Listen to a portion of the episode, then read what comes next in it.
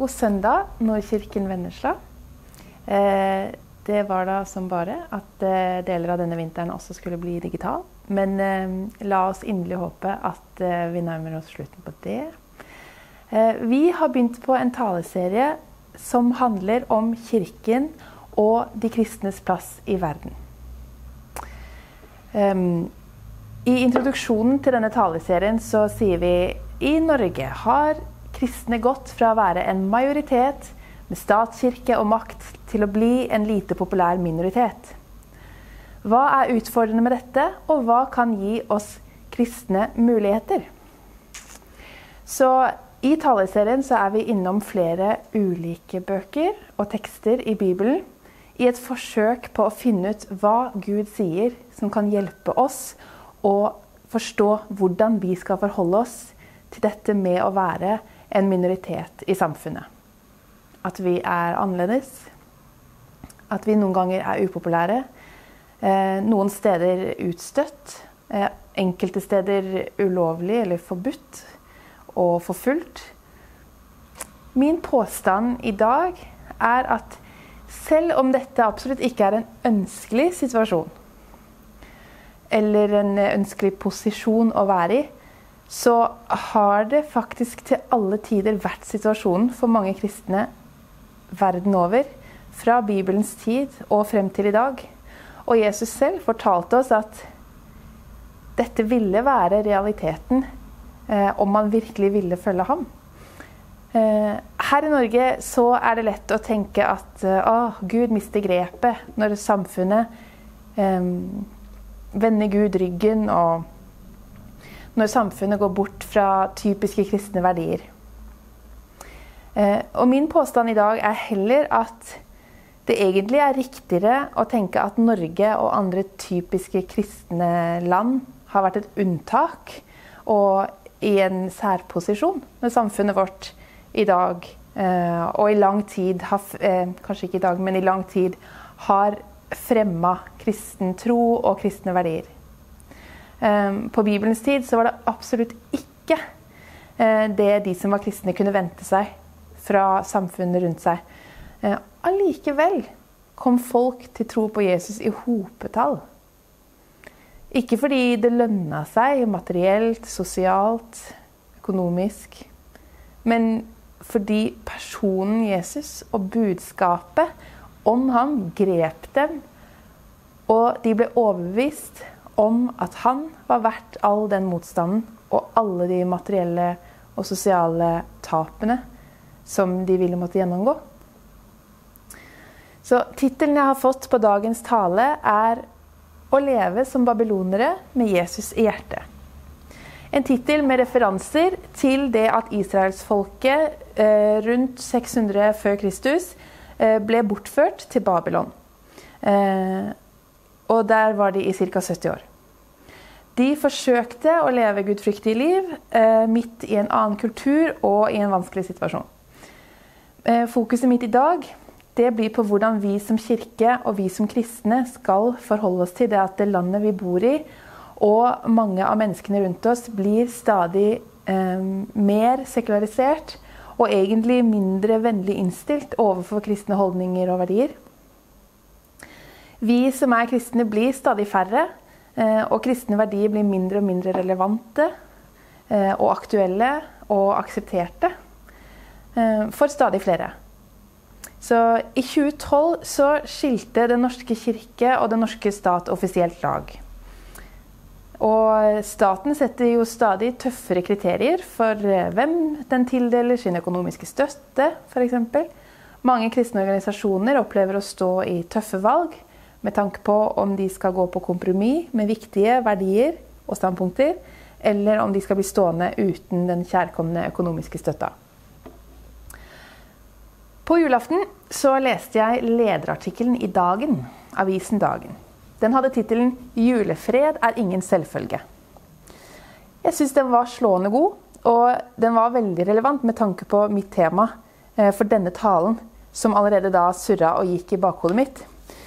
Så nå regner jeg bare med at det er redaktør Vebjørn Selbekk som skriver lederartikkelen i Dagen. Og han reflekterte der rundt de mange påminnelsene som vi får i høytiden, som er jul, eh, på at det norske samfunnets holdning til kristen tro er i endring. Og han nevnte bare noen få, men han trakk bl.a. frem dette eksempelet fra desember, hvor NRK hadde fjerna det kristne innholdet i Eivind Skeie sin kjente salme 'Tenn lys' um, i forbindelse med en TV-sendt julekonsert. Um, sikkert i et forsøk på å være mer inkluderende, fordi de opplevde at det kristne budskapet var ekskluderende. Uh, de årlige protestene rundt julegudstjenester i regi av skolen ble også trukket fram. Og selv om dette her, det er jo ikke for noe å regne sammenligna med det presset som kristne i andre deler av verden opplever, så skorter det heller ikke her i Norge på eksempler på at kristne verdier er under sterkt press. Og Selbekk har flere poenger i denne lederartikkelen sin. Og han mener f.eks. at vi ikke passivt bør stå og se på at de som ønsker kristendommen over i en mer perifer plass, bare skal få ture frem. Um, men poenget hans er allikevel at vi som kristne, i møte med den motstanden som måtte komme fordi vi er kristne Vi er kalt til å kjempe for kristne idealer, men med kristne idealer. Eh, og dette er et tema som jeg vil komme tilbake til eh, videre i talen. Og nå har vi kommet til punktet hvor jeg gjerne vil presentere dagens bibeltekst. Eh, og den er henta fra Daniels bok, og er knytta til den samme tidsperioden i Israels historie som det Kristians tale forrige uke var. Nemlig at israelsfolket, som nevnt, er blitt bortført til Babylon.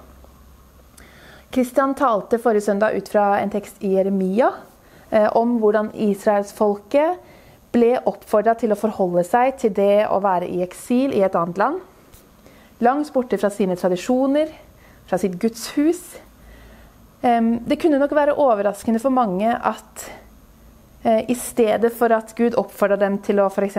holde seg mest mulig for seg selv, isolere seg, eh, gjøre alt de kunne for å komme seg tilbake til sitt eget land, så kalte Gud dem heller til å slå seg ned, bygge hus, gifte seg, stifte familier, og heller be og fremme fred for det stedet som de var blitt bortført til.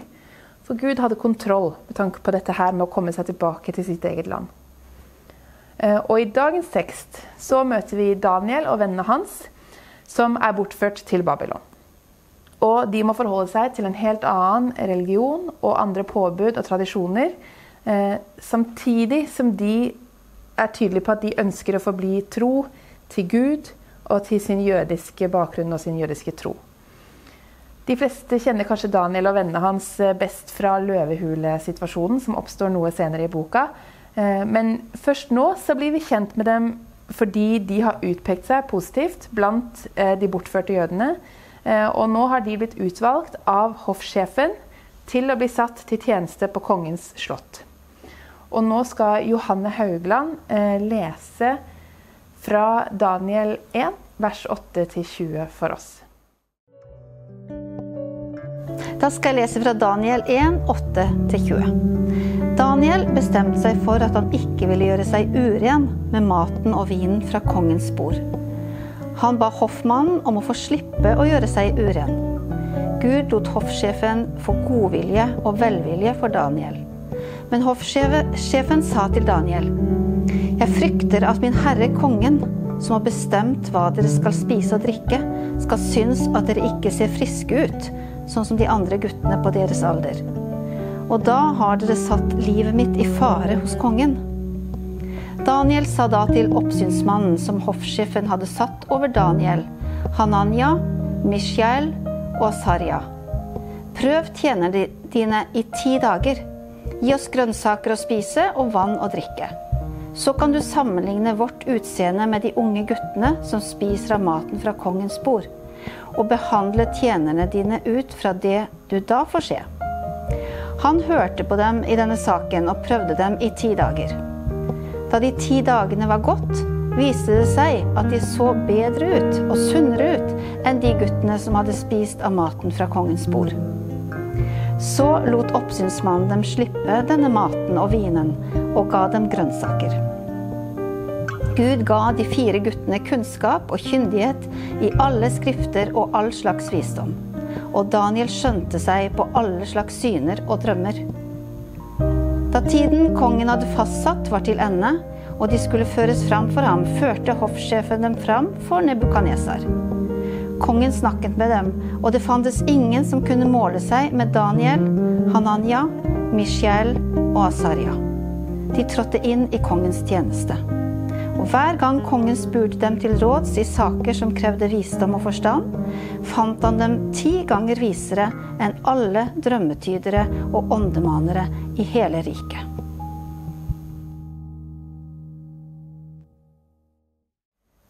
Jeg syns at både denne bibelteksten, som vi nettopp hørte, og lederartikkelen fra dagen forteller oss noe viktig om hvordan vi som troende er kalt til å forholde oss til motstand og press fra samfunnet rundt oss.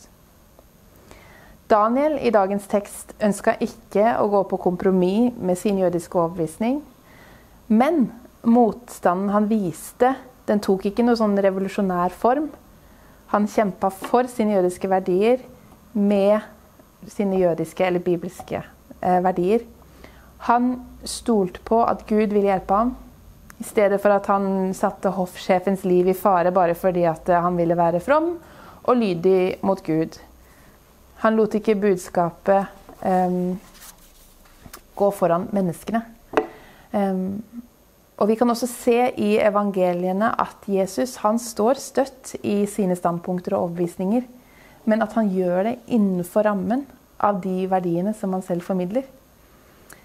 Og Selbekk skriver i lederartikkelen i dagen at eh, kampen for det gode, kampen for de kristne verdiene som vi tror på, eh, de, den, det er og vil alltid være en kamp. Eh, og at det vil alltid finnes motkrefter. Og at spørsmålet det bør ikke være hvordan skal vi rydde alle disse motkreftene av veien, men heller hvordan kan vi møte denne motstanden i tråd med de verdiene som evangeliet lærer oss.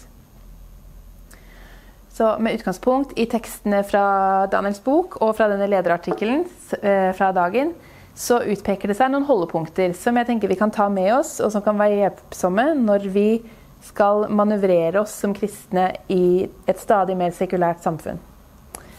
Nemlig dette å kjempe for kristne idealer, med kristne idealer. Og så tror jeg at tittelen på lederartikkelen i dagen er noe vi må minnes på når vi glemmer hvor privilegerte vi faktisk er. Og det er at fred er ingen selvfølge. Å tro på og leve for Jesus er ikke ensbetydende med idyll, med fred, med hygge, med trygghet. Og det er heller ikke noe vi kan forvente, eller er blitt fortalt at vi kan forvente her på jord. Og videre nå så ønsker jeg spesielt å peile meg inn på dette poenget med at fred ikke er noen selvfølge. Eh, mange kristne samla seg f.eks. i desperat bønn og fortvila bønn i tida rundt 2012, da stat og kirke ble adskilt i Norge. For hvor var dette landet på vei, og Gud forsvant bare mer og mer fra samfunnet. Hvordan skulle dette gå? Og det er jo klart at vi som kristne vi ser jo ikke på dette som en positiv utvikling nødvendigvis. For vi tror jo på at Bibelens verdier og prinsipper er de beste for alle, uavhengig av om de tror på Gud eller ikke.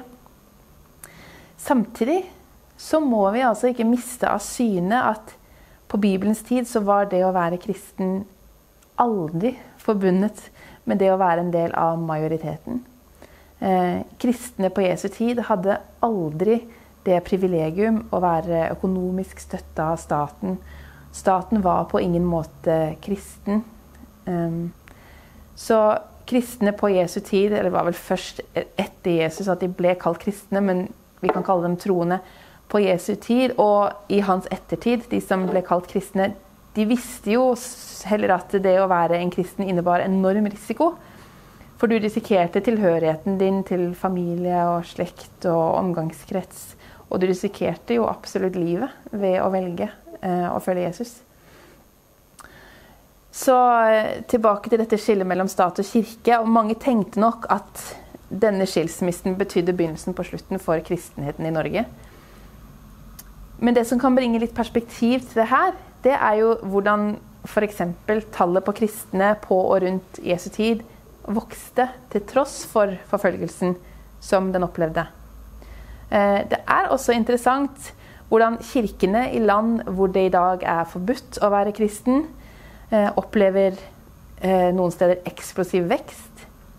At kristendommen når så langt og så bredt mens kristendommen er forbudt, og kristne blir forfulgt. Det sier jo noe om at det er jo ikke statsreligion eller statsstøtte som er avgjørende for at kristendommen overlever. Det er jo selve budskapet. Og kristne på den tida, i likhet med mange kristne i andre deler av verden i dag, er villige til å bøte med livet for å kjenne Jesus og leve for ham. Så fred er med andre ord ingen selvfølge. Og det er heller ingen forutsetning for at Gud skal være sann. Og det sier heller ingenting om at Gud ikke har kontroll. Og sånn sett, nå skal vi inn på et litt sånn eh, tema som jeg eh, syns er veldig interessant, eh, men ikke kan bruke altfor mye tid på. men jeg syns det er interessant å undersøke hva det har betydd for kristendommen at keiser Konstantin rundt år 300 etter Kristus bestemte at kristendommen i stedet for å være forbudt, som det hadde vært, nå skulle være Romerrikets offisielle religion. Og at det fra da av heller ble forbudt å tilbe andre guddommer. Og om mindre enn ti år nå så markerer vi, som Kristian nevnte i sin tale forrige uke, at det er 1000 år siden Norge ble krista.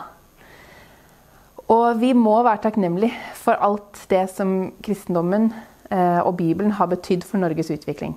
Virkelig. Men vi må også våge å spørre hva statsreligion og tvang, som det var før, har betydd for folk sin holdning til og tanke om og bilde av denne Gud som tilsynelatende trenger statens støtte for å holde seg aktuell og relevant. Eh, og Derfor så var det flere som eh, tok til orde for at når staten trakk seg ut fra kirkens anliggender, at det var en bra ting. At det var bra for kristenhetens eh, overlevelse i Norge. For i Norge, hvor kristendommen har vært statsreligion, så har tallet kristne sunket jevnt og trutt over lang tid. Mens Kina, hvor kristne og andre religiøse grupper blir forsøkt knebla gjennom sensur og forbud, så er kristendommen i enorm fremmarsj, og behovet for bibler er umettelig. Og dette viser oss én ting. Vi kan ikke måle om vi forholder oss riktig til verden rundt oss eh, på den grad av fred og hygge som vi opplever rundt det å være kristne. Eh, Gud har aldri lova oss at fred og rettferdighet skal etableres en gang for alle her på jord. Men vi blir gitt tydelige retningslinjer eh, med tanke på hvordan vi skal møte denne motstanden. Vi er kalt til å kjempe for kristne verdier, med kristne verdier, og bare se på hvordan Jesus møtte motstanden som han ble møtt med. Så hvordan kan vi som kristne møte ufred og motstand i tråd med de verdiene som evangeliet lærer oss? Så la oss være kompromissløse i vår overgivelse til Jesus, og samtidig kompromissløse i vår overgivelse til det han lærte oss om å forholde oss til vanskelige omstendigheter. Nemlig å elske og be for de som setter seg opp mot oss og fremme fred der vi lever og bor, samme hvem som er vår naboer. Eh, jeg syns jeg ber om at eh, eh, vi som kristne skal våge å tenke at du kanskje har kontroll, selv om ting ikke står støtt rundt oss. Jeg ber om at du skal hjelpe oss å forstå at det å følge deg ikke handler om at alt er greit, og at du bare velsigner hvis vi lever riktig, men, og at vi dermed skal ha det så godt. Eh, men jeg ber om at du skal hjelpe oss å tenke at eh, du er verdt Du er verdt at ting rundt oss rokkes fordi du er så mye større. Du er så mye viktigere enn det å ha økonomisk eh, stabilitet, eller du er til og med viktigere enn det å ha den viktige tilhørigheten til folk. At ja, du rett og slett er viktigere enn alt. Og det ber jeg om at vi skal få et lite spark bak eh, om, kanskje. Fordi at eh, vi kanskje er så vant til å forbinde deg med det som er koselig og godt og trygt. Eh, men jeg ber om at vi skal bare få oppleve mer og mer at det, den tryggheten den er heller på innsida. Og den freden den er heller på innsida, og den gir du oss. Og den gir du til de som står i vanskelige omstendigheter rundt om i verden. Mm. Amen.